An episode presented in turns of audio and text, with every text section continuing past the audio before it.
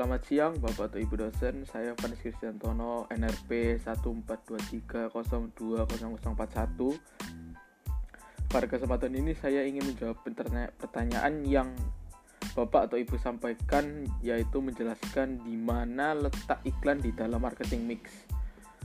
Seperti yang saya pahami bahwa iklan pada bagian marketing mix masuk kepada promotion karena mencakup tahap-tahap atau cara-cara mengiklankan yaitu yang pertama advertisement yaitu mengiklankan dengan menggunakan media.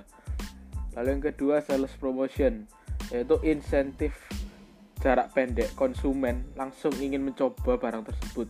Seperti contoh eh, suatu barang yang lalu diberikan promosi dengan bertulisan buy one get one yaitu memaksa para konsumen untuk langsung membeli dan tidak ada di lain kesempatan Lalu yang ketiga adalah publicity yaitu mengembangkan citra atau image dari perusahaan.